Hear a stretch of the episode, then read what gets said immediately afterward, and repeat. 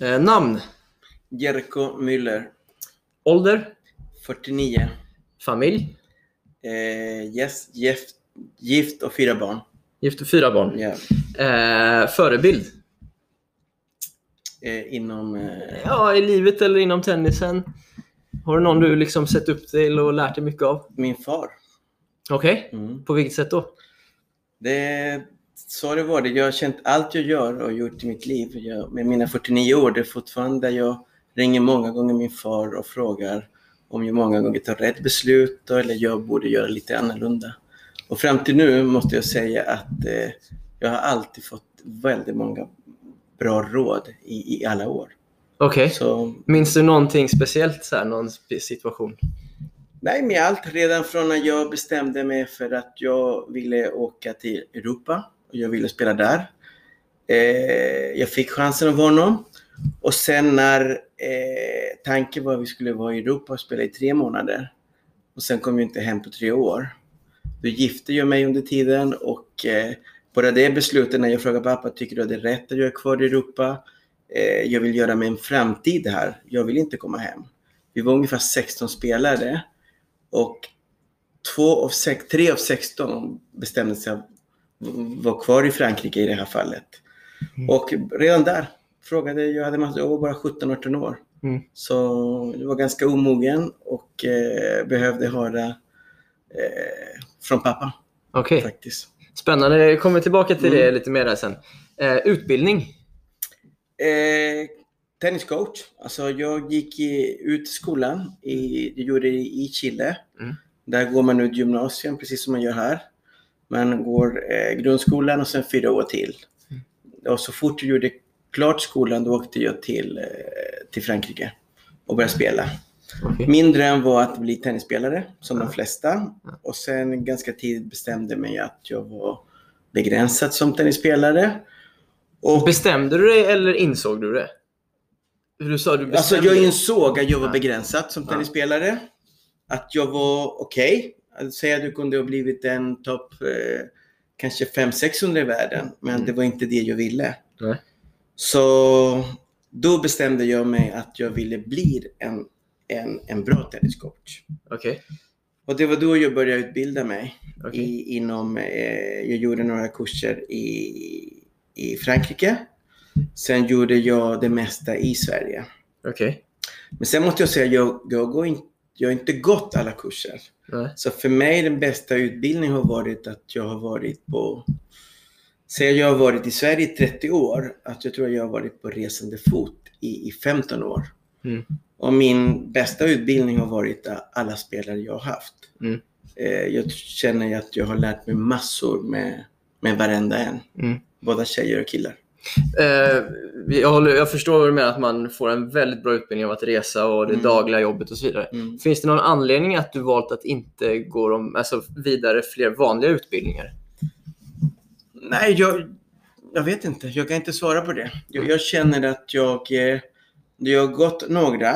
Eh, det var intressant. Mm. Jag kände att jag kunde lära mig också. Men det, det, det som var bra, jag kunde träffa andra coacher. Mm. Det är oftast där när du växlar lite olika åsikter. Eh, det är där vi lär oss jättemycket med, in, inom den här branschen. Mm. Eh, jag är 49 år så jag har fortfarande tid. Jag har funderat nu att jag skulle vilja gå. Eh, de har gjort om det mesta. Du vet när jag var eh, när jag började med det här, då var det där olika steg. Mm. Jag tror att jag gjorde steg ett och två. Mm. På den tiden den högsta var steg tre. Mm. Eh, Den gjorde jag aldrig. Sen hoppade vi på, jag vet inte hur de, vad de heter. Eh, TGU 1, 2, 3 eh, tror jag de heter nu. Ja. Eh, Så det sen jag, finns det ju tror jag har gjort en eller två. Ja. Men jag skulle vilja... Sen vet jag att eh, det var några som sa till mig att jag kunde, eh, med, eftersom jag har haft många spelare, jag rest massor, Mm. att man kunde göra eh, prov och kolla om jag får godkänt för att få den där utbildningen. Okej. Jag vet inte om det, om det går. Jag är lite för dåligt insatt i det. Mm. Ja. ja, men du funderar på att gå något mer i Jag alla vill, fall. jag Mm. vill. Mm. Eh, en film eller bok som du inspirerats av? Eh, Gladiator. Vad heter den där Ja, Gladi- filmen. filmen? Ja, just det. Eh, klassisk film. Ja, klassisk film. Rikt, riktigt bra.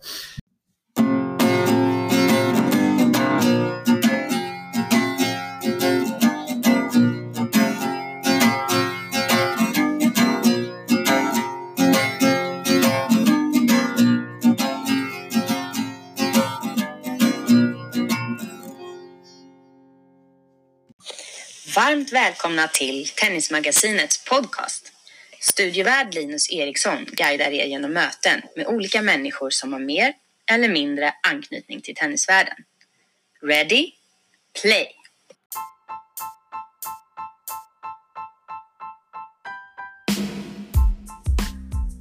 I det här avsnittet får ni lära känna den välkände tränaren Jerko Müller.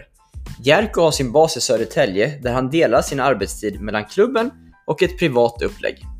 Jerko har varit verksam i samma klubb i nära 30 år och var under hela Joakim Pimpim Johanssons karriär nära Pimpim och coachade honom under stora delar av den karriären. I det här avsnittet berättar Jerko om upplägget i Södertälje där han delar sin tid mellan klubb och privat verksamhet, Pimpims noggrannhet och hur de resonerade kring att bygga vapen kontra förbättra svagheter, om det, hur det är att jobba runt 50 timmar på banan fördelat på 7 dagar i veckan, hur han planerar en träning och fördelningen korv respektive spelövning. Det känns som i alla fall jag lärde känna Jerko ännu bättre under det här samtalet och hoppas ni kommer känna detsamma och få med er flera lärdomar om hur man planerar och tänker kring träningsupplägg. Nu lämnar vi plats för Jerko Müller.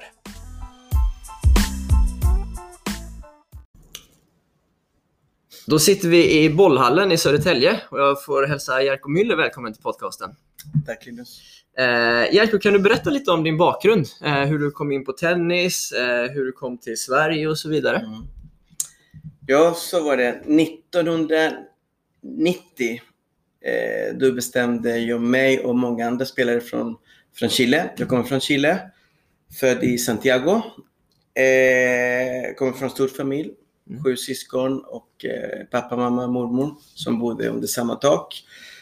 Sen när jag var 18 år då bestämde vi eh, ett helt gäng, de bästa i landet, att vi ville eh, komma ut i Europa och spela tävlingar och spela satelliter som det var på den tiden. Och vi hamnade i Spanien. Eh, vi valde det svåraste land då och det är fortfarande idag tror jag. Och då tanken var att vi skulle vara ute i 90 dagar. Okej. Så prova på att spela. Det fanns jättemånga satelliter där. Både Spanien och Frankrike och Italien. Mm. Vi valde Spanien först eh, och där var det jättetufft. Alltså, det var ju, man, får, man var glad bara varje set man kunde vinna i, i varje match. Mm.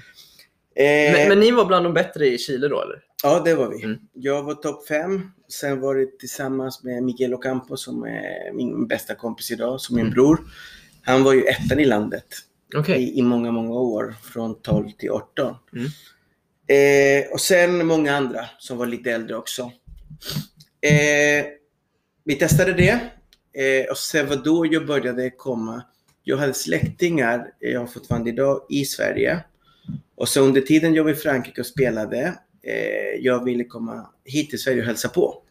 Kom hit och ville träffa mina släktingar och fortsätta träna. Då var, det var då jag kontaktade Salk. Jag tränade både Salk och här i Södertälje. Där jag träffade min fru. Blev, och som jag är fortfarande tillsammans med henne. Vi skaffade barn och allting. Och bestämde jag ganska tidigt när jag kom till Sverige att eh, det här landet passar mig på något sätt. Okej, Varför då tror du? Alltså, du vet inte. Jag var i, i Sydamerika, det är lite mera... Eh, det finns inte mycket struktur inom. Eh, här i Sverige, jag tyckte om, eh, många hade pratat om att eh, de var väldigt kalla i Sverige och eh, vädret och men det, det påverkade inte mig på något sätt utan jag tyckte om systemet. Mm. Eh, läste mycket om Sverige. Mm. Eh, jag eh, tyckte om mentaliteten här.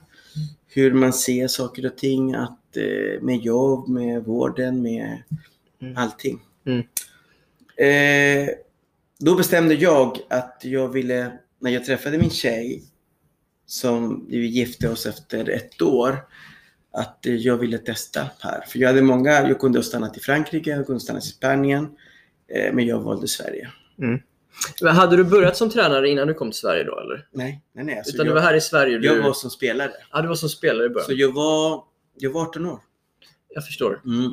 Så, och när jag kom hit, det var då det började lite, vad ska jag göra med mitt liv? Ja. Ska jag spela professionellt? Eller ska jag välja något annat? Åka hem igen, bara plugga vidare? Eh, för jag hade möjligheten att göra det hemma också, i, i Chile. Mm. Men jag sa nej, jag, jag kommer inte fortsätta spela professionellt. Däremot jag fortsatte spela i många år i franska ligan, spela för pengar, leva. Jag, jag levde på tennisen. Eh, men då bestämde jag att jag vill bli en, en bra tenniscoach. Det Mm. var mitt mål. Okej. Och med bra tenniscoach, hur tänkte du att hur ska du göra för att bli en bra tenniscoach då? Det, det visste inte jag.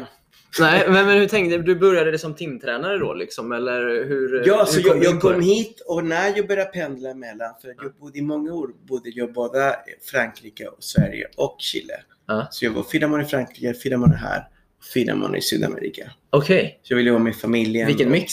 Ja, och det gjorde jag, jag tror jag gjorde i fyra, fem år. Okej. Eh, och då när jag kom hit, jag tränade för mig själv Ja. och sen började jag lite eh, fråga klubben här i Södertälje Ja. och jag kunde ge några timmar. Ja. Och eh, jag började med tre timmar. Ja. Började med tre timmar och sen ökade vi lite successivt där och eh, började spela. Du vet när jag är 18 år, 19, och så det, jag var mest sparring Ja, ja. för duktiga juniorer. just det. För det, det är inte mycket man kan när man, när man är så ung. Nej. Sen hade jag lite i blodet att jag älskade den här sporten redan då. Så att jag på något sätt kunde jag förmedla allt jag hade lärt mig genom mina tränare som jag hade haft. Mm. Och där hade jag tur för jag hade många duktiga tränare Ja, som vilka- hjälpte mig. Vilka tränare känner du har, liksom, eh, har du inspirerats av eh, rent ledarskapsmässigt? Eh, ja, det var i Chile först. Det var han som tog mig första gången. Mm. Aldo Alvarez heter han. Eh, han gick bort för två år sedan nu. Okej. tyvärr. Eh, 70 år Mm. hade han varit idag. Eh, det var han som tog emot mig första gången och lärde mig massor. Vad var det han gjorde som var så bra tycker du? Alltså, allt från teknik, allt från att försöka få mig att må bra på tennisbanan. Han gav mig... Eh, han hade haft själv väldigt mycket erfarenhet. Eh, jag fick lära mig ganska tidigt att det är väldigt viktigt att, eh, att vara ödmjuk. Ja. att, eh, att vara korrekt, att vara schysst mot andra, respekt eh, för alla människor. Så han, han tog också inte bara en roll som coach, utan jag, jag var med honom från morgon till kväll. Utan det var som en extra pappa. Mm. Eh, Tänker du att, eh, försöker du vara det lite åt dina spelare också? Som du tränar på något mycket? sätt, ja. Jag tror att det är som vi har jobbat nu i alla år. Eh, jag har en riktigt bra dialog och kontakt med alla mina spelare. Mm. Och om det är någonting jag strävar efter dagligen, det är just den där respekt, att vara ödmjuk, att eh, hårt arbete, eh, vara en, en, en bra människa. Hur eh, krävs det att man liksom lägger mycket tid vid sidan av banan också då tror du? Eller, eller är det ett jobb man kan göra på banan bara? enorm, enormt mycket. Jag menar, det jag gör på banan, det är en del. Men sen det jag gör utanför banan, alltså det, det är många extra timmar man lägger ner. Hur gör du om du känner att någon spelare inte riktigt liksom, eh, faller in i den ramen? Som kanske in, in, inte är ödmjuk på det sättet, till exempel du inte, eller det, på det sättet du ge- önskar. Hur, hur tar du hand om det då? Eller hur handskas du med det? Nej, men då, då... I mitt jobb, det jag tycker är bra att jag väljer lite vilka jag jobbar med. Visst har jag ansvar för en tennisklubb. Där har vi 220 eh, elever. Där försöker man finnas till alla. Men de som jag jobbar närmare, Mm. de, de väljer jag. Utan de som inte ger mig det jag vill, Mm. eh, jag skulle inte lägga ner så många minuter på dem. Men, så, men du tänker inte att så här, okej den här spelaren eh, har inte den stilen som jag gillar, men jag kan nog lära den. Förstår du vad jag menar? Att man, Ja, ja, det är en annan sak. Det, den utmaningen kan jag ta. Mm. För vi har haft, jag har haft många spelare som eh, tennisspelarna, det har vi lärt oss, de är väldigt krävande. Mm. Eh, och vill ett bra, göra ett bra jobb. Alltså det, det är kul att ha lite press. Men jag, jag tror att jag, eh, jag tar en utmaning. Man försöker. Men det finns spelare som jag tror att det är väldigt svårt att ändra på. Mm. Eh, Jag är med. mm. Eh, du, du har varit tränare i, ja, från runt 20-årsåldern då. Till, eh, 19, 19 Från år. 19 till idag. Eh, det, det är ganska många år. Tycker du Mm. fortfarande att det är lika kul? Roligare. Ännu roligare? Ja, alla ställer samma frågan och eh, även idag jag känner att det här är det roligaste jag vet. Varför är det det? Jag vet inte, jag tänker alltså jag tänker tennis på dagarna. Alltså det, det och min familj har haft lite svårt med det. Men de, de har fattat och de har accepterat det. Tennis för mig, det, det är nästan det bästa jag har. Okej. Om, om tennis är det roligaste, vad är, vad är det näst roligaste? Eh, umgås med familj, Ja. träffa släktingar, Ja. vara på middagar, grilla. Eh, för mig, ett sätt att umgås med människor är att äta god mat. Eh, Men och, och tennisen har blivit som en livsstil för dig. Så. Mm. Behöver det vara en livsstil för att man ska kunna vara en bra coach på en hög nivå? Tror du? Det, det verkar så, Linus. Alltså, jag, jag- tror att när man pratar med många tränare och det, det, det blir en livsstil. Mm. Eh, kanske vissa skulle klara det ändå. Men för mig har det blivit. Alltså, för mig vet jag att eh, eh, jag jobbar fortfarande sju dagar i veckan. Det har jag gjort i, i, i 29 år ungefär. Måndag till måndag. Vad tycker din familj om det? Nu har jag tur att mina killar spelar mycket tennis. Så de hänger i hallen med mig. Det underlättar. Men det har varit svårt. Mm. Det har varit svårt för jag är här måndag åtta. Kommer jag hit. Hem halv nio, nio. Mm. Eh, det gör jag måndag till fredag. Lördag är jag här sju timmar. Söndag är jag här sju timmar. Men om, om vi leker med tanken Jerko, bara för att det är intressant. Vad skulle hända om du så här, men från och med nu ska jag jobba sex dagar i veckan. Från 8 till eh, 19. Och sen stänger jag av min mobil efter det. Mm. Det här är mina arbetstider. Ni får höra av er till mig när jag är på jobbet om ni undrar något, säger du till spelarna. Mm. Skulle, hur skulle det påverka då tror du? Skulle du, bli, skulle du bli en sämre tränare då? För att du inte kan Nej. följa upp det? Nej, jag, jag tror inte det. Jag, jag tror inte det. För jag, jag tror att spelarna skulle ändå ha respekt för det. Sen när jag har gjort, och det där valet har jag gjort själv. Eh, jag mår bra med det. Så jag har inga problem med att få ett sms eh, halv tolv Nej. innan alla går och lägger sig. Jag går och lägger mig vid ett, halv två, två varje dag. Eh, Och går upp vid... eh, 6.20. Sömn är också viktigt Jerko. Ja. Men där är också en grej. Jag har aldrig sovit så mycket. Okej. Eh, då, som, har känt mig i många, många år. Ja. Har du sett mig sliten någon gång för att Jerko ser helt slut ut? Nej, det, gör jag inte. Och det, det är någonting att jag tror att vissa människor eh, behöver sova mindre. Okej. Och jag tror att jag är en av dem. Eh, Kan du säga något i tränaryrket som du kä- inte tycker är lika kul längre? Som du känner, nej men det här, det här jag liksom, tycker jag inte är lika inspirerande längre. Som jag gjorde i början av min karriär kanske. En bra fråga. Eh, jag, jag tror inte Linus. Alltså, jag, jag tror att det har varit lite tvärtom nu. Att eh, nu tycker jag det är roligare att gå ner i åldrar. Att hjälpa yngre spelare. Eh, förut jag var lite, hade mer fokus på lite äldre. Eh, de som ville bara bli tennisproffs. Eh, elitspelarna. Och nu har det blivit mera och mera nu att jag går ner i åldrar. Jag vill så gärna, det ger mig så mycket att hjälpa yngre spelare. Forma dem. Det är intressant för jag har uppfattat att det är fler som kanske har gått den vändan. Att man, man börjar med yngre, sen går man upp på elit och sen går man ner lite Mm. i åldrarna igen. Varför tror du att det är så? Jag, jag vet inte. Alltså, det, jag tror att alla kan uppleva lite olika saker. Jag har haft turerna att eh, på något sätt har jag alltid haft eh, många duktiga spelare som jag har hjälpt Mm. i, under eh, alla år.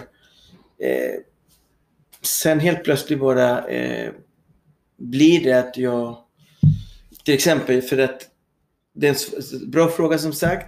Många har frågat mig, skulle du vilja nu eh, ta bara en spelare? Mm. Jag säger nej på en gång. För att?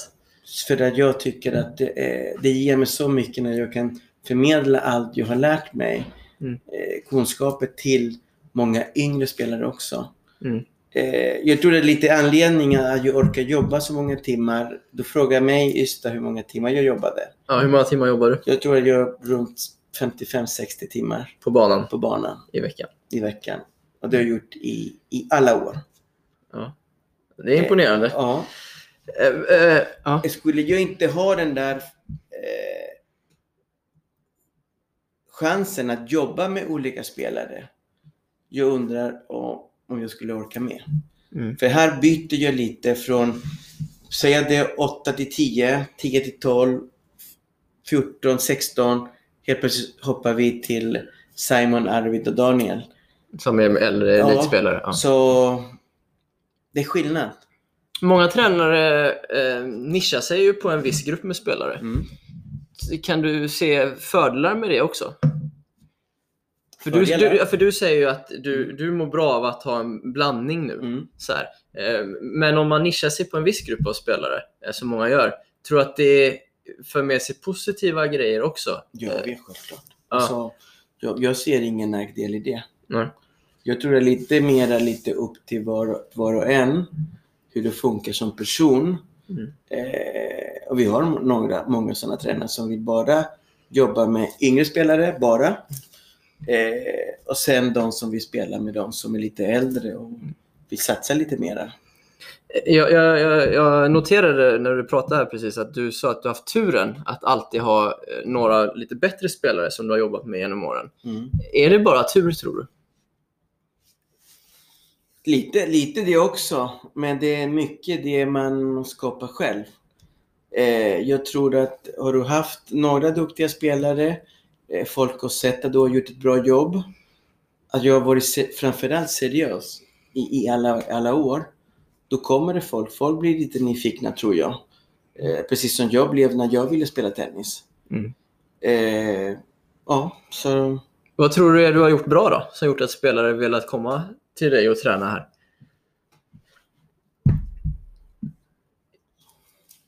Du har varit inne på att det kanske är att du är engagerad och, och, och så Ja. vidare. Eh, Jag, jag tror att det mesta, det mesta ligger mycket i det. Så jag har passion för, för tennisen. Mm. Passionen som jag har, eh, jag tror att spelarna eh, märker det. Mm. Eh, jag, jag, tror det. Jag, jag har svårt att svara på det. Eh, svårt att prata om sig själv. Mm. Eh, hur då, dålig eller bra man är. Utan att eh, jag tror att många gånger, det, jag tror att resultaten pratar för sig själva. Mm. Och det där är det. Eh, har man, har man haft en okej spelare, då på något sätt eh, andra spelare får förtroende för dig. Mm. Men du, du behöver inte vara bra för det, utan då får du gå in och göra ett jobb med, med spelarna. Och, Just det. Eh, ha, nästa fråga är, ha- har du, och i så fall hur har du, förändrat din coachingfilosofi sedan du började coacha till idag? mm. Tror du att du har förändrat den någonting? Jo, absolut. Absolut. Och, där, och där är ju lite grann, eh, jag känner fortfarande idag att jag, jag lär mig så mycket varje vecka. Jag lär mig av en, en tävling, en vintertur, en juniortävling, en future ute i, i utlandet. Jag har många läger, jag lär mig där. Jag träffar 20-25 spelare samtidigt. Eh, ofta så är jag lite olika tränare som hjälper mig. Mm. Där lär mig jag massor också. För att just den där, det, det roligaste är när dagen är slut, när vi sitter med coacherna och planerar dagen efter. Och man hör lite hur de tänker. Vi har ett tema. Eh, och jag försöker oftast att alla ska vara delaktiga i... Eh, så jag känner att jag, jag utvecklas hela, hela tiden. Hur, hur, hur tror du att du har utvecklats, säg de sista 10 åren? Mm. Eller 20 åren? Nu är det lite mera, jag har alltid gillat teknik. Eh, nu är det lite, jag tycker fortfarande det är viktigt med teknik. Men nu är det lite mera, känner jag, att det är nästan viktigare att, att spelarna blir taktiskt smartare. Så det bet- betyder att jag måste sätta in mig mera. Eh, jag läser, jag lyssnar väldigt mycket tennis. Jag lyssnar många på många duktiga coacher som har mycket mer erfarenhet än vad jag har. Och där försöker jag använda lite med mina spelare. Mm. Sen är det lite grann det som funkar på en spelare funkar inte på den andra. Utan där måste vi som coach hela tiden försöka hitta nyckel.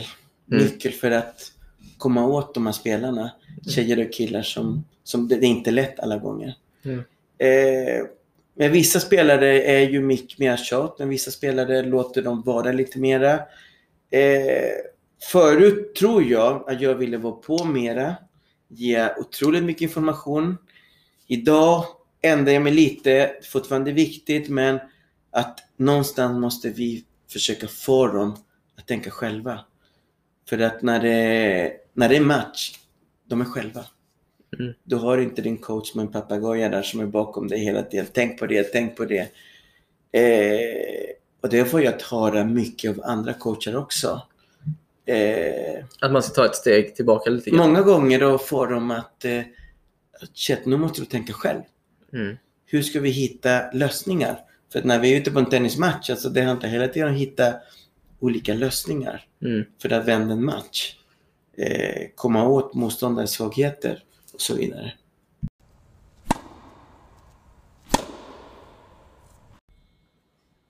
Jerko, för eh, ett antal år sedan så var du coach åt eh, Pimpim Johansson eh, under en period av hans karriär. Kan du berätta lite mer om ert samarbete ni hade? Eh, ja, det kan jag göra. Allt började eh, när jag kom till Sverige. Eh, jag kom till Sverige och det var Pimpis pappa som började hjälpa mig som coach. Mm. Han hade ansvar för A-laget i Södertälje. Eh, under den vevan då började jag, Pimpi var liten, och då började jag hjälpa Pimpi som sparring. Mm. Och man kunde se redan då att killen kunde bli någonting. Hur såg man det? Nej, men han hade, han hade ju en, en stor forehand. Redan då kunde vi se att han skulle bli lång. Han hade en väldigt bra serve. Eh, han hade bra volley. Eh, Hans backhand då? sämre. S- sämre var det.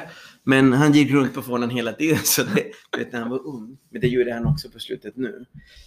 Det, det var där allt började. Eh, tyckte om den killen.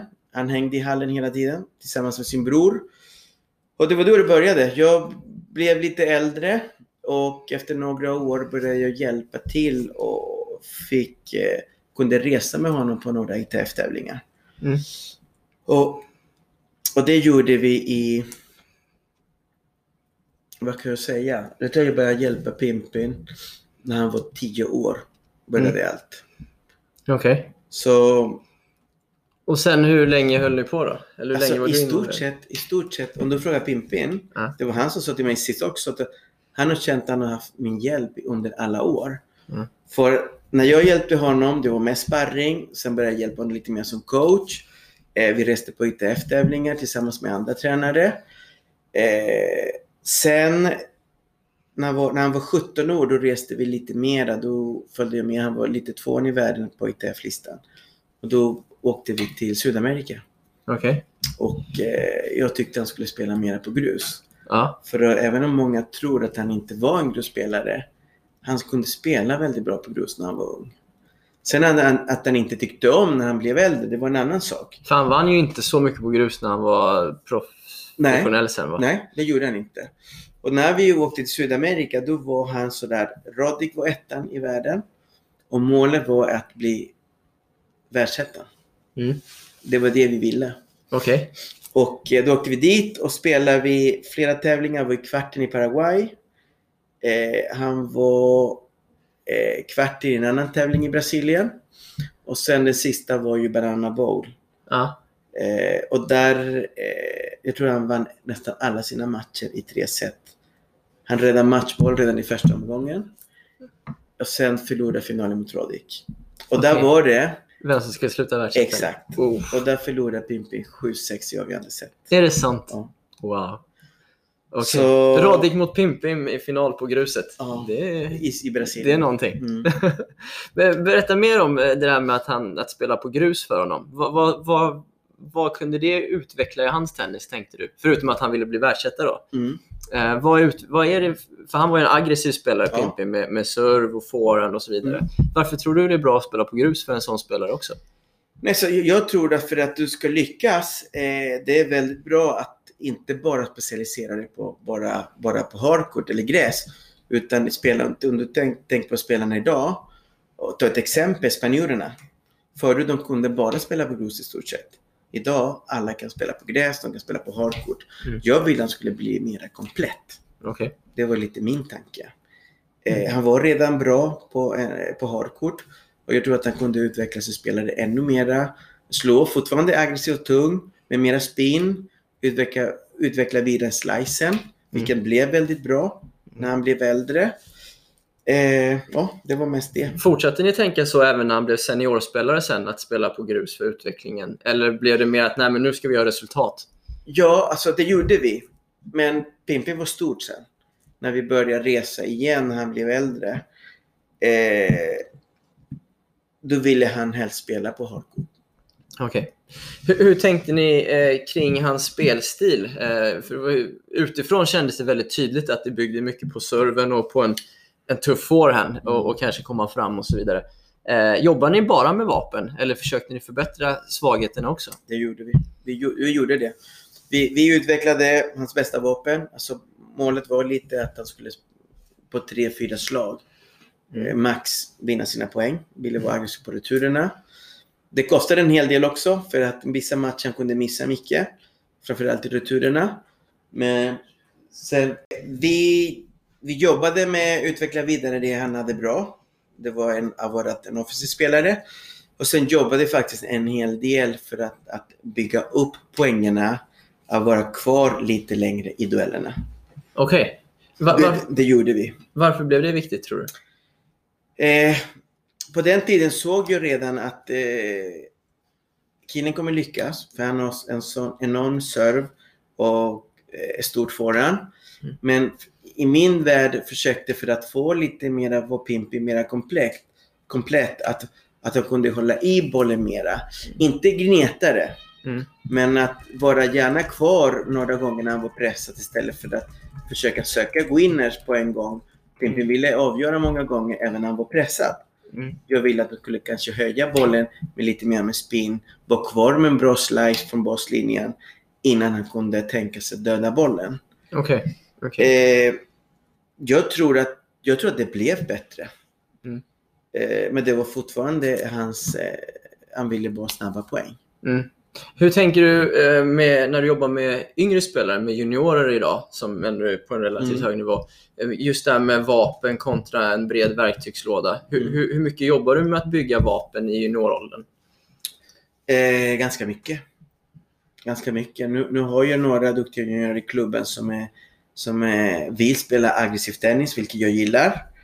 Eh, men redan då, jag tycker att eh, det är jättebra att vara aggressiv, att vilja vinna poängen, att ta bollen tidigt. Men jag tycker det är väldigt viktigt att de ska bara lära sig jobba undan, att toppa, ha en heavy spin för att skapa läge. Eh, jag tror att jag har fortfarande samma mentalitet där. Sen, eh, jag skulle aldrig få en kille som, eller tjej som, eh, som vill göra mycket winners att bromsa det och säga nej, nu ska du bara stå och toppa Mm. två meter från baslinjen. För jag tror att där, där är ganska känsligt. Där många tränare kan göra fel. Att många gånger vill ha en spelare som har är bra våg över nät, att vara ännu mer aggressiv. Eh, mera aggressiv vad de kan klara av.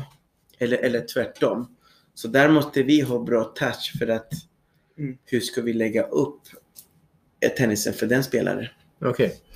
Eh, Pimpim kändes ju utifrån som att han var väldigt noggrann med detaljer. Eh, kanske lite av en perfektionist liksom, så här, på sätt och vis.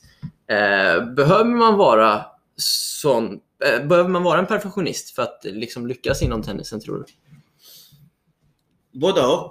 Alltså, både och. Jag tror att för, för många spelare, eh, det funkade för honom. Han var, jag har aldrig träffat en sån människa som är så noga som Pimpim. Mm. Med allt. Jag, jag kan säga med allt. Med, Kan du ge något exempel? nej, bara till exempel eh, reser man spelare idag, reser med ungdomar. Eh, bara hur rummet ser ut efter 10 minuter, då får jag nästan ont i huvudet. Men att vilken ordning i hans väska, hans rack, lindor, strängade rack, många par skor, många, mycket kläder och allting. Eh, flera vattenflaskor. Eh, Var han lika noga med detaljer i sitt spel också? jag tror han ville det. Han, han ville bli eh, en... Eh, han var väldigt noga. Mm. Och återigen, även om han kunde missa ibland lite mycket vissa matcher. Men han hade oftast en plan. Mm. Och där hade vi lite diskussioner många gånger. Men noggrannhet jag tror jag han har haft i alla, alla hans år. Hur, hur eh, liksom inför en match, eh, hur, hur noga gameplan la ni upp? Hur mycket liksom ville han eh, ha bestämt hur han skulle spela innan en match? Mycket. Vi la ner mycket tid på det. För Pimpen vill gärna ha väldigt bra koll på motståndare, svagheter, styrkor och eh, mycket. Vi pratar mycket om det. Okej. Och din roll som coach då? Liksom, blev det att du fick scouta mycket mot sp- spelare och så? Ja. Och det måste, det måste du. När du kommer till en viss nivå, även med juniorer, men när du kommer ut på att det är en ATP-nivå, du måste studera spelarna mycket mer. Där var ju mycket mer inne på Youtube och analysera spelarna. Eh, Vad kunde ni kolla på då, rent specifikt? nej, till exempel se lite vad, hur, var, hur ofta servade han T, hur ofta servade en serv mot kroppen, i, i vilka läge i matchen servade han utåt, när sökte de upp nätet, eh, och så, lite sådana saker. Okej. Eh, om, man, om man ser rent till dig då. Eh, vad lärde du dig av de här resorna och tiden ihop med honom i liksom världstoppen? När han liksom stod på toppen av, av sin karriär och du var med honom. Vad, vad, lä, vad lärde du dig under den tiden som coach? Mm. Så tror jag jag har lärt mig massor. Eh, noggrannhet var en av de viktiga grejer.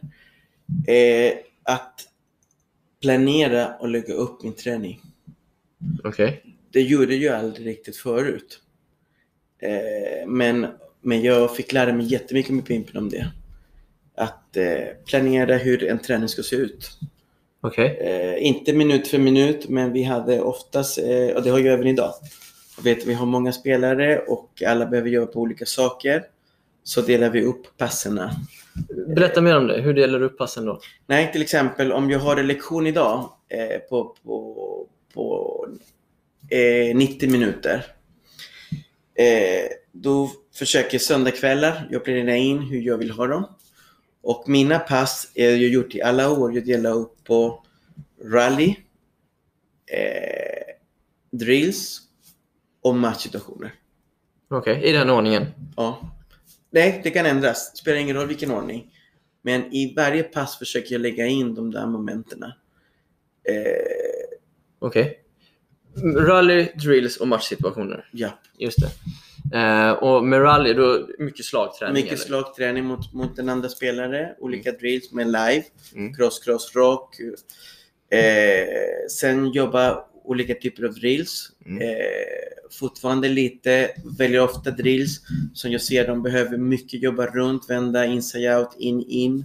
Eh, börja med en slice. Börja med eh, försöka göra winners på första. Och sen avsluta alltid med eh, poängsituationer. Okej. Mycket med, mycket med eh, serveträning. Först andra boll. Retur andra boll. Okej. Pimpim eh, hade ju en otrolig serve. Mm. Hur mycket serve tränade ni? En hel del. En hel del och det var ju mest precision. Okej.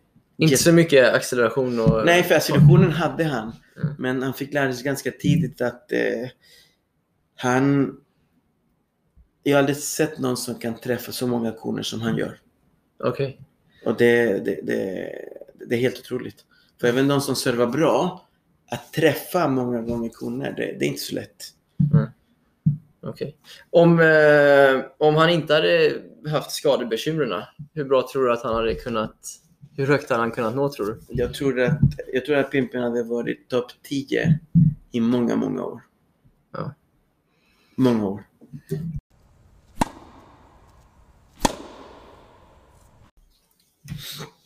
Du är verksam här i Södertälje Tennisklubb eh, och har varit i, i, ja, i många år nu. Eh, berätta varför du trivs så bra här och om ditt upplägg här. Eh, det var, eh, jag tror det var 30 år nu. De gjorde en artikel i tidningen för några veckor sedan och det var faktiskt 30 år att jag varit här i, i SPTK. Wow. Eh, anledningen att jag har varit kvar Alltså svårt att säga. Alltså det, det, jag trivs något enormt här i Södertälje.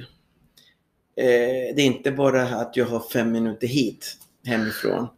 Men det känns som att vi har, vi har en gammal hall. Som det regnar in på vintern till och med. Eh, men eh, när man går in, någonting händer. Och det här är inte bara jag som känner det utan många spelare från olika klubbar som kommer det finns någon, det är ganska skönt miljö här i Södertälje. Mm. Och jag säger sådär, varför skulle jag behöva röra mig när jag trivs så bra här? Eh, vi har alltid lyckats att forma duktiga spelare här. Och sen har vi alltid många spelare som kommer hit. Mm. Så här har det blivit som en, som en stor familj. Det är så jag alltid säger det. Har du någon gång varit på väg till någon annan klubb? Nej. Alltså, jag, de har frågat mig många gånger. Och inte bara här, i utlandet också. Eh, men... Eh, nej. nej. Eh, du, du har ju en, en tjänst där du jobbar dels för klubben och mm. dels i privat regi. Eh, ja, kan du berätta lite mer om det upplägget? Ja, eh, som du sa, jag, har ansvar för, jag är cheftränare för klubben. Ansvar för eh, allt som händer. och sen har vi haft en, en överenskommelse med klubben i, i alla år för redan när jag hade Pablo Figueroa, när Pablo var 13-14, då reste vi mycket då. Och eh, då bestämde jag mig att jag ska jobba, jag gör mina timmar för klubben, heltid. Och sen sköter jag mitt bolag Myllysport som den heter. Mm. Och det är där all privat träning och alla resor. Mm. Eh, det har inte varit en konkurrerande verksamhet som många tror, utan det, det här har varit lite win-win. Okay. För alla som är med mig eh, har alltid varit kopplat till tennisklubben också. Så det är win-win för alla. Men varför har du velat ha, en, eh, ha det vid sidan av klubben? Mm. Är det av ekonomiska skäl eller är det för att få utrymme att kunna vara iväg mycket? Eller vad har liksom, jag, vinsten varit jag, av det? Jag tror att får lite utrymme att, eh, att kunna följa med mina spelare. Eh, att vara coach i Sverige till exempel, inte bara i Sverige, i hela världen. När du har ansvar för en klubb du har inte mycket, eh, du kan inte åka iväg och lämna klubben så mycket. Eh, I det här fallet var det ett val som jag behövde göra för många år sedan när jag sa, eh, vill jag bara vara en klubbtränare? Eller vill jag vill vara eh, båda och? Mm. Eh, och jag kände ganska tidigt att för att jag ska kunna göra det här som jag vill göra det, jag vill kunna följa med. Mm. Alltså för mig räcker det inte att vara en coach och då kan jag bara jobba på hemmaplan.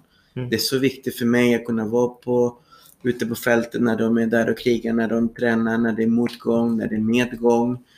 Eh, annars missar vi ganska mycket. Och det var det jag föreslog klubben. De fick välja. Eh, de såg lite vad jag gjorde. Mm. Jag har alltid känt att jag brinner för min klubb. Jag vill klubbens bästa. Mm. Men jag vill kunna göra den andra också. Och det har funkat bra. Hur mycket är du ute och reser eh, per år ungefär? Eh, blandat. Jag tror att jag har ungefär 100-120 dagar per år. När, allt, eh, när det inte är Corona. Ja, just det. Så, ja. Är det ungefär så mycket du tror krävs att vara ute med spelarna för att, det ska, för att man ska kunna göra ordent, en ordentlig satsning? Ja. Det är inte många klubbar som kan eh, tillgodose det. Ja, jag tror inte det. Jag tror inte det finns en klubb som, som gör så. Så du tror inte det, det svenska klubbsystemet funkar inte om man vill göra en elitsatsning för en spelare då, eller? Ja, alltså, jag, jag, kan inte säga att det inte funkar. Men eh, en, en klubb kan inte erbjuda en sånt upplägg. Mm. Eh, för att i, i själva upplägget, det som är intressant till exempel, när jag är ute och reser och jag har jag måste hitta folk, coacher som hjälper mig i mina timmar. Ja, här hemma. Exakt. Mm. Och jag belastar inte klubben, utan det, det får jag sköta. Just det. Så... Okej. Okay. Men, eh, med, med, eh, ett så, om man tänker att, känner du att du har det perfekta upplägget här nu för, att- för att kunna jobba med spelare som vill göra en elitsatsning? Ja, jag, jag känner att jag har det. Mm. För jag har klubben bakom mig. Ja. Eh, Okej, och då, då är min nästa fråga. Eh, tycker du att du, med tanke på de förutsättningarna, att du Mm. fått fram eh, ett rimligt antal riktigt, riktigt bra spelare under åren då? Eller Mm. känner du att "Nej, jag borde kunnat få fram ännu fler på en hög nivå? jag Förstår tror- du min fråga? Ja. Jag, jag känner hela tiden att jag borde fått fram många fler. Är det så? Ja. Okej. Och varför tror du inte att det blivit så då? Jag har inte svaret. Jag jobbar på det. ja, Jag jobbar på det. det är bra. Eh, jag är väldigt nyfiken i mig och Ja. eh, jag, det är inte så att jag är helt nöjd. Jag, ibland många gånger tycker jag att jag borde fått fram fler spelare och de som, har jag, som är lite på topp i Sverige idag, det känns som att de med tanke på hur mycket träning vi lägger ner, Ja. hur vi har det, eh, att de borde vara nästan ännu bättre. Varför är de inte det då? Är det, liksom, är det något som de saknar som spelare eller som personer? Eller är det något i träningen som du har liksom saknat? Eller Mm. vad, vad beror det på tror du? Jag tror att eh, både och. Alltså, jag, jag tror att eh, man kan inte bara skylla på spelarna. Eh, att han inte gör jobbet, han inte gör det. Utan det, det, det är tillsammans. Det där samarbetet som man har med coach. Jag känner att det är därför jag är så intresserad av att lära mig mer. Och försöker hitta eh, jag, du, du vet hur jag funkar. Jag har alltid varit prestigelös i alla år. För mig att ha prestige, det finns inte. Utan jag tar in ofta in andra som jag tror att, att som är bättre än mig i olika områden. Mm. Jag själv frågar många andra coacher som, eh, de behöver inte vara från Sverige, från andra, andra länder. När jag visar till exempel, jag gör väldigt mycket, jag kan skicka en video till en coach och säga du, vad tycker du om den här? Mm. när jag får feedback som gör att jag tänker om många gånger. Okej, då kanske jag kan göra lite annorlunda i det här fallet med, med den här spelare. Eh, tillsammans, jag tror att tillsammans, en, en, en, en, en bra resa med en spelare, eh, du gör det tillsammans. Det, det, det räcker inte att jag är bara riktigt bra eller att den är bra utan tillsammans hur vi lägger upp det. Mm. Att det kan bli väldigt bra i slutändan. Mm. Eh, ibland känner jag att jag är begränsad på olika saker. Eh, och jag vill jobba hårdare. Eh, Vad kan det vara till exempel? Eh, till exempel, det har varit lite i... Nu är jag ännu mer intresserad av att, på den taktiska aspekten. Just det, det sa du ja. Mm. Och jag pluggar med det. Alltså jag går in på Youtube, jag försöker hitta, jag lyssnar på, på, på de som har gjort bra grejer. Ja. Eh, och där känner jag att jag, jag lär mig lite saker eh, va- varje dag. Precis som jag säger till spelarna, om du känner att du kan lära dig lite grann varje dag, Mm. det kan bli rätt, rätt bra efter några år. Just det. Eh, när du har varit ute på till exempel, eh, nu senaste året vet jag du har varit på en del med Future-tävlingar Mm. med, med dina manliga spelare. Eh, vad, vad tror du är anledningen till att många svenska spelare haft svårt att ta steget ifrån Future-nivån till Challenger-nivån?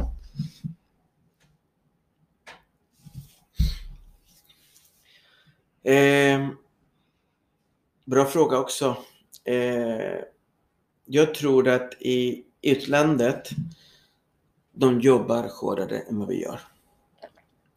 Okej. Jag är helt övertygad. Eh, och de har gjort det. De har haft en bra plan i ganska tidiga åldrar. D- där har vi dilemmat många gånger i Sverige när man pratar om hur mycket ska vi träna egentligen? Mm. Många tycker att eh, du ska inte träna så mycket. Eh, många säger att eh, eh, det är viktigt att vi, vi jobbar och vi testar olika sporter. Mm. Vilket jag håller med där. Eh,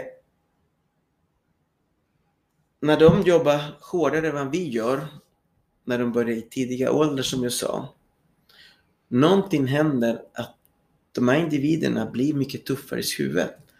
Mm. För att när vi kommer ut, vi ser, och jag tror att det händer dig också, som du har en duktig spelare som du reser året, året runt. Alltså, jag ser ingen skillnad på forehand.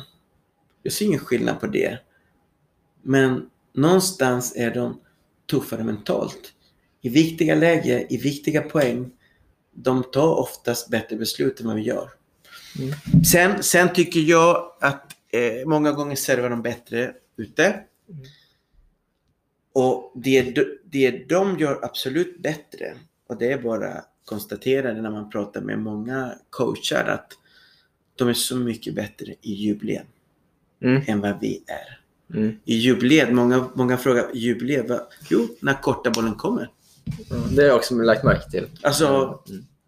Det sägs att det kan bero på att vi spelar inomhus på hardcourt i Sverige så stor del av året. Medan andra spelar utomhus på grus där de måste söka bollen mer.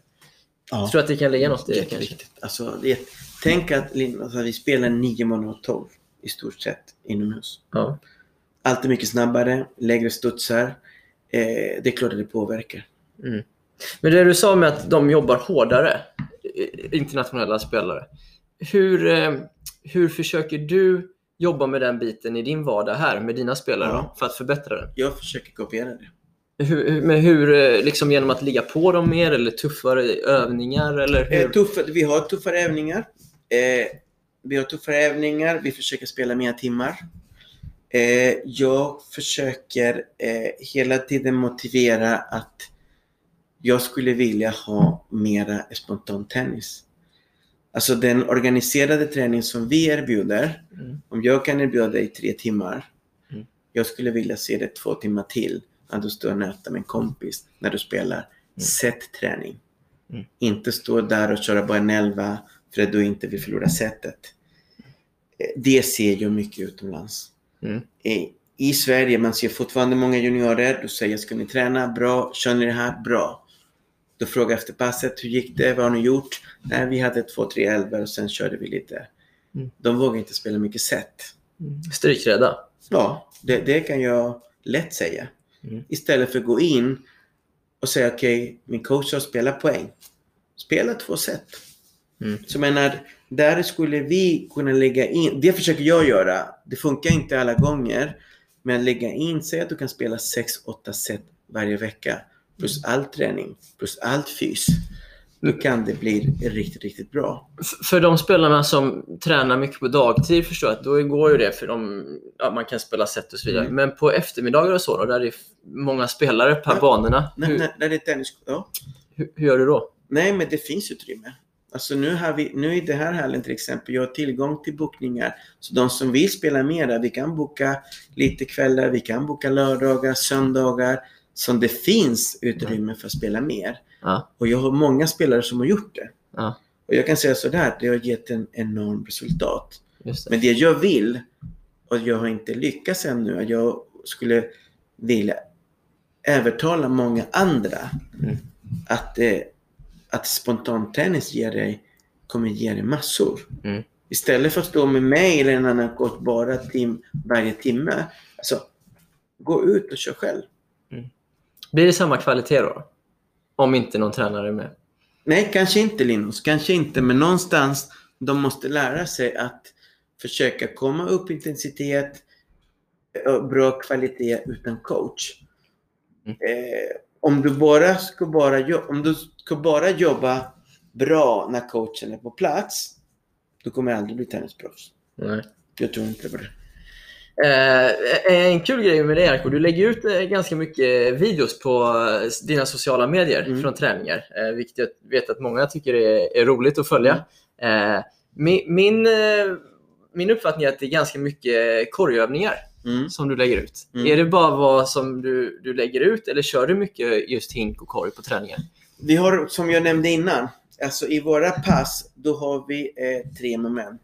Mm. Där har vi rally, vi har korg, drills och sen har vi poäng. Och oftast när vi lägger ut video, och då är det lite när vi gör eh, drillsövningar. Ja, Så med det är en bra observation. Men... Eh, jag vill bara fråga om det. ja, det är. Eh, en, en, en annan fråga jag har, vi, vi var inne lite på din motivation som tränare. Mm. Eh, att du, du ser det som en livsstil och du brinner för det och så vidare. Eh, I och med att du, jag tänker att du, du jobbar för klubben och du jobbar privat också, Mm. eh, och mycket privattimmar och så vidare, så kan jag tänka mig att du, den ekonomiska biten är hyfsat viktig också. Är det Ja. en motivation för dig också? Alltså, jag kan säga sådär.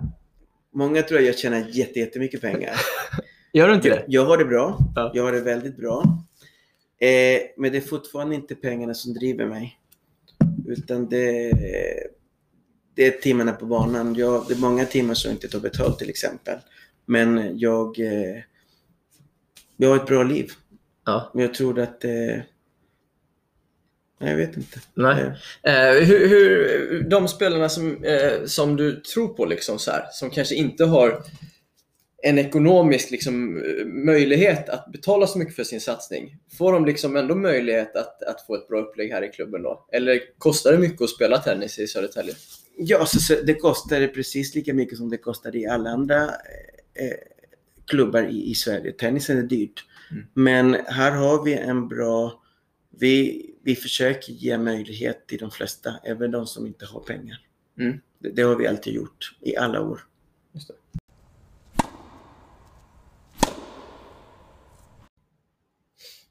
Då är vi inne på sista, sista delen här Jerko med lite frågor som jag ställer till de flesta gästerna. Eh, vad är det senaste du ändrar uppfattning om? Det var faktiskt för, eh, kan det vara en eller två månader sedan redan.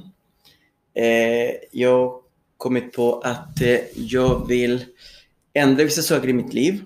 Och en av dem var lite mer att tillbringa lite mer tid med, med, med min familj. Eh, jag har min äldsta dotter har fått, eh, hon har två barn. Så jag har två barnbarn. Oj! Som eh, en på två år och en på ett år. Och, eh, och så jag har mina killar som spelar jättemycket tennis också. Och sen jag har lite mer tid för dem. För det, det, det har jag aldrig haft. Hur får du in det i ditt schema när du jobbar? Nej, men jag, jag kommer behöva göra, eh, göra om vissa saker. Eh, jag tar in ofta lite mer och mer lite. Jag har tagit in en bra coach från Spanien som hjälper mig. Eh, nu har vi lite nyheter som kommer eh, så småningom. Okej. kommer ta in en annan coach som kommer hjälpa mig en hel del också. Och, eh, och inte bara för att det kommer hjälpa mig att jag kan tillbringa lite mer tid med min familj och samtidigt för att ge mera kvalitet i teamet också. Okej. Så det är lite blandade saker. Ja, spännande. Eh, vad är mest bortkastad tid kopplat till tennis? När man inte har en bra planering. Tänker du som tränare då eller? Ja, du tänker som tränare. Mm. Alltså, eh, till exempel har du in, ingen bra planering, alltså du blir, det blir inte bra. Eh, nu pratar jag om mig och sen när, eh, när det gäller spelarna, när, när de väljer till exempel, när, de, när man inte gör en bra periodisering till exempel. Eh, många väljer att jag vill bara, bara spela matcher och många väljer att jag vill bara, bara träna. Att hitta den balansen. För jag tycker att vi måste bygga upp oss och sen måste vi komma ut och tävla. Mm. Göra en bra periodisering. Där tror jag att vi har jättemycket att lära oss, vi tennistränarna. Just det. Även om vi pratar, men vi gör inte rätt alla gånger. Nej. Eh, Från vilken ålder tycker du att man ska jobba med en periodiserad plan? Redan när de är 12. Mm. För jag menar, vi har många 12-åringar som spelar mycket tennis. Mm. En 12-åring idag, de, de ligger på träning 15-17 timmar i veckan. Mm. Tennis, fys, extra matcher. Och det är ganska mycket. Mm.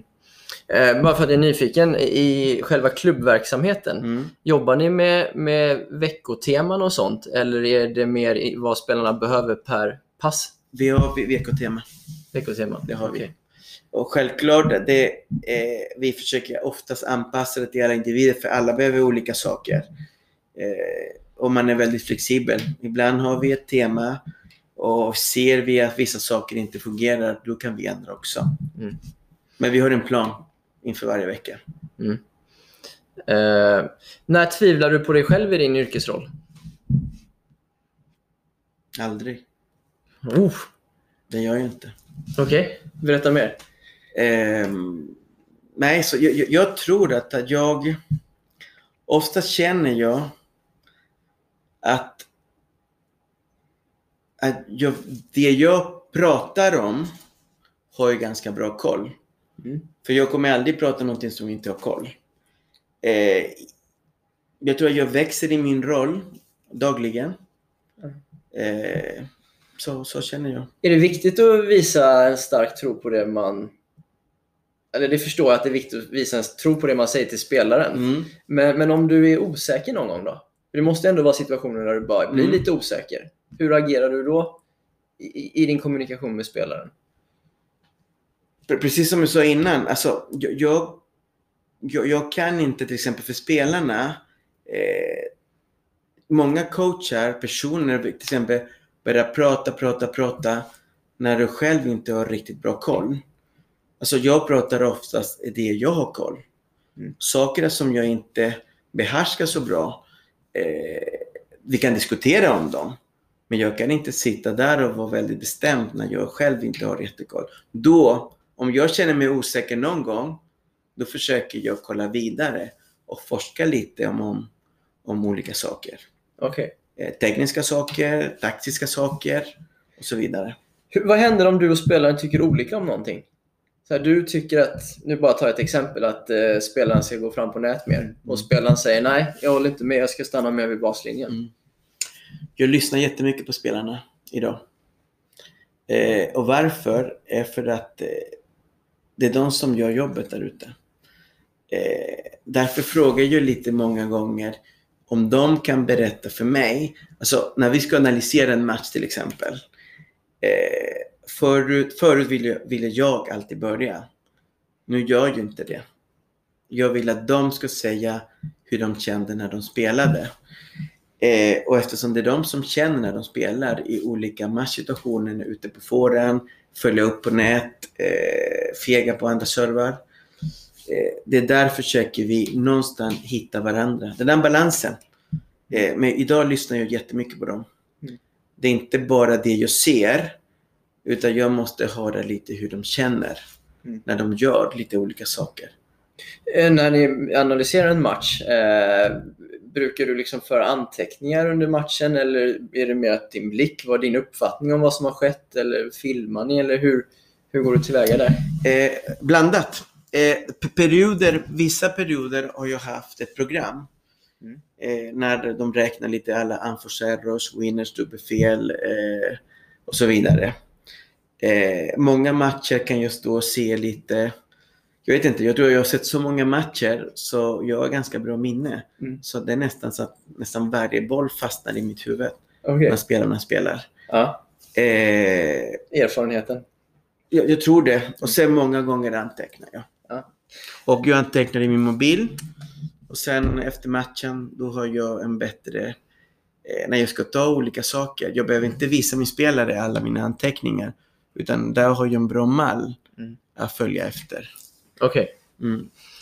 Ehm, jag undrar, i liksom både i din klubbroll här, men även liksom dig själv som tränare för de bättre spelarna. Eh, hur anser du att samarbetet med Svenska Tennisförbundet har varit? Eh, jag har nästan aldrig haft något samarbete med Svenska Tennisförbundet. Okej. Eh. För att du inte har velat eller för att Nej, inte har nej jag, jag, jag tror inte att det, vi, det, det har inte bara blivit. Okej. Eh, och det är ju lite med... Jag har haft ändå några okej spelare. Men eh, på något sätt har det inte blivit av. Okej. Känner du att du, det skulle varit bra med någon form av hjälp? Till Absolut. klubben eller till din elitverksamhet? Absolut. Till, till, till båda och. Alltså kl- klubben och eh, de här killarna som är ute och spelar för, för Sverige. Vad skulle du önskat att den hjälpen bestod av? Nej, jag har lite mera eh, olika träffar till exempel. Eh, när eh, mina spelare och jag själv kan träffa eh, landslagscoacherna där. Eh, och framförallt när spelarna blir lite mera eh, jag tror att vi har pratat många gånger om, om Sverige. Nu, nu har det varit Corona. Helt plötsligt alla tävlingar samlas de flesta spelare. De bästa spelare. Bara det skulle göra mycket att det skulle finnas mycket mera att nu samlas vi till exempel 10-12 gånger per år. Mm. När du tar ett gäng på 10-12 spelare. Mm. Jag tror att många skulle må bra av det. Mm. Inte bara spelarna utan co- coacherna där. Och allt, allt för spelarnas bästa. Just det. Så Jag tror att vi saknar det i Sverige. Skulle inte vara, det skulle inte vara omöjligt att få till det tror jag. Eller? Jag tror inte det. För det är det som jag har sagt många gånger, det, det ska inte behövas vara gratis. Om spelarna ger lite grann alla, så jag tror att många skulle vilja eh, ställa upp på en sån sak. Mm. Mm. Samma sak eh, när man, man reser lite till utlandet. Jag tror att många vill resa och många har inte möjlighet att göra det. Mm. Skulle det vara en coach, till exempel, jag kan bara säga sådär, skulle flera eh, spelare kanske ringa mig eller förbundet och säga du Jerko, kan du ta tre spelare från oss eller från den klubben i Göteborg? Jag skulle aldrig säga nej. Mm. Mm. Just det. Så, Då hjälps ju fler till att ta kostnader också. ja, ex- Exakt. exakt. Eh, varför tror du att svensk tennis har tappat i den internationella konkurrensen och vad ska vi göra för att ta oss uppåt igen? Den är svårt. Alltså, det, det, är en, det är en väldigt viktig fråga. Svår, svårt att svara den. Eh, själv sitter jag och funderar på det varje dag. Vad kommer Eh, du fram till? Nej, men jag hittar, jag hittar in, ingen svar ännu. Alltså, man, man tänker lite. Eh, häromdagen hade jag en liten live med Argentina. Okej, De bjöd in mig på en Instagram live. Ja. På någon chatt, det första gången. spännande. Ja, och, eh, och där ställde de fråga till mig som är, är från Chile. Chile har också gjort många bra spelare och haft lite sämre den sista tiden. Nu börjar det komma spelare. Eh, de frågar mig lite om Sverige. Mm. Hur kan det vara möjligt att Sverige hade ungefär, jag tror det var 27 spelare bland topp 100. Ja, jag vet inte exakt, men det var, det var helt brutalt. Ja. Alltså, jag kommer ihåg när jag kom till Sverige när jag var 18. Alltså, det var ju lite att eh, Persson som var 11 i världen kom inte med i Davis Cup. Nej. Kommer du ihåg det? ja, det är helt sjukt. Ja, ja, ja, Så jag, vad gjorde, Före min tid, men... vad gjorde de annorlunda? Mm. Eh, om du frågar de före detta proffs, eh, de kan inte heller riktigt svara. De säger att de tränade hårt. Ja. Många, många försöker göra det nu. Eh, de säger att om det är någonting jag gjorde mycket mer, de säger att de hade väldigt mycket spontan tennis. Mm. Det är ungefär jag försöker göra med mina ungdomar här. Eh, de hittade kanske ganska tidigt ett bra upplägg med fysiken Mm. med en fyscoach som är väldigt viktigt idag. Alla har inte det. Jag själv skulle vilja ha en fyscoach i klubben. Det har ni inte här jag, nej. Vi, vi köper in lite tjänster. Men jag kan säga sådär, om vi många, om alla klubbar i Sverige kunde ha råd att ha en fyscoach som vi har en tennistränare. Mm. Jag tror att vi skulle kunna få fram många, många tennisspelare. Men handlar inte det mer om prioriteringar? Alltså så här, tennisklubbar har ju råd att ta in timtränare och stå på banan. Mm. Skulle man inte kunna ta in en fyscoach som spelarna får Ja. betala för också? Jag, jag håller med. Jag håller med. Prioriteringar. Men vi kommer fortfarande behöva eh, eh, tennistränarna. Mm. Men då måste vi göra, göra en ny tjänst till en, en... Klubbarna idag, det går lite nästan på plus minus noll. Mm. Om det är lite större klubbar där det finns mera vinst. Men eh, på sikt, jag tror att vi många skulle tjäna på det. Mm. Eh, jag hoppas att vi kommer dit någon gång. Mm. Själv jobbar jag på det. Eh, sista frågan Jarko. Eh, om, du, om, om du tänker tillbaka när du var 19 år och började som tränare. Eh, vad skulle du vilja ge dig själv för tips som du liksom vet idag som, till dig själv när du var yngre? Aldrig ge upp. Jag tror att jag gav upp lite för tidigt. Mm. För jag bestämde mig att jag ville bli tennis, en bra tenniscoach redan när jag var 18 år. Idag till exempel, jag ser många ungdomar 18-19 som väljer att sluta satsa. Jag tycker det är alldeles för tidigt. Eh, ha mera tålamod. Att eh, om du jobbar hårt, om du har bra kvalitet och du har ett bra team. Jag tror att om du orkar mer mentalt, självklart ekonomiskt också, vänta till du är 23-24 år innan det kan hända lite större grejer. Mm. Eh, det, det skulle jag säga. Okay. Många ger upp för tidigt. Ja. Hur, hur, eh, nu lägger jag till en fråga här, men, men eh, den ekonomiska biten är ju väldigt svår för många spelare. Mm. Det kostar stora summor att liksom dra Mm. runt en satsning. Eh, de spelarna som spelar på elitnivå som du har hand om, är det sponsorer som går in och hjälper dem? Eller hur, hur funkar Nej. det ekonomiskt? Det är familjerna. Familjerna står för allting. Det är en familjesatsning att Ja, ens det- barn det är ska det, det är det. bli bra. Absolut. Och det, det saknar vi Mm. i, i Sverige. Du vet, andra länder, när jag hör med spanjorer, Frankrike, Sydamerika, eh, många länder som har mycket sämre än vad vi har, för i Sverige har vi, vi har det ganska bra om vi jämför med andra länder. Eh, olika företag vill investera i olika team Mm. som kanske Sverige gjorde en gång i tiden. Mm. Eh, det skulle vi behöva. Mm. Att de vågar satsa på flera spelare. Vi skulle kunna ta till exempel vara ute och resa med sex spelare istället för en eller två. Mm. Eh, då sk- chanserna skulle ökas att Mm. någon kommer lyckas. Det är min bild också att företag sponsrar team och olika typer av satsningar Och- utomlands på ett annat sätt. Och då skulle vi behöva kanske ha rätt personer som kan bara jobba med de bitarna. Mm. Men jag tror att pengar finns i Sverige. Men att kanske vi, vi, vi kommer inte åt dem. Mm. Sponsorerna som vill göra någonting för sporten, ungdomar. Mm. För det är det det handlar om. Eh, Jerker, det har varit superintressant att prata med dig. Mm. Eh, tack för att eh, du tog dig tid. Tack själv Linus och hoppas att du fick svar på alla dina frågor. Ibland blir det lite mycket, men ibland kanske man hamnar lite eh, någon annanstans. Men, eh, Det är det som är intressant. Att, jag hoppas att du är nöjd. Ja, verkligen. Tack så mycket Jerko. Tack.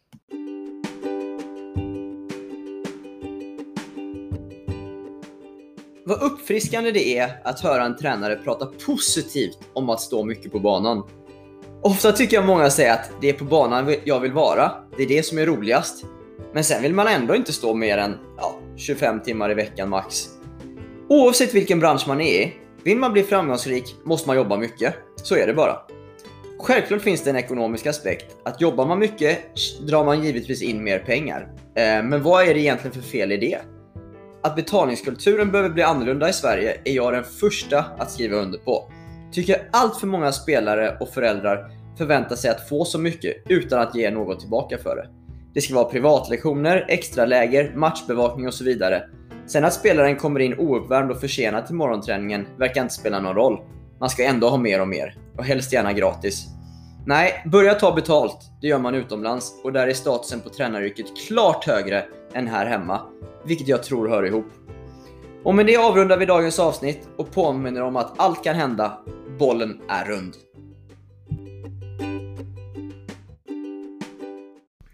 Glöm nu inte att prenumerera och följa podcasten på plattformen du använder så du inte missar något avsnitt.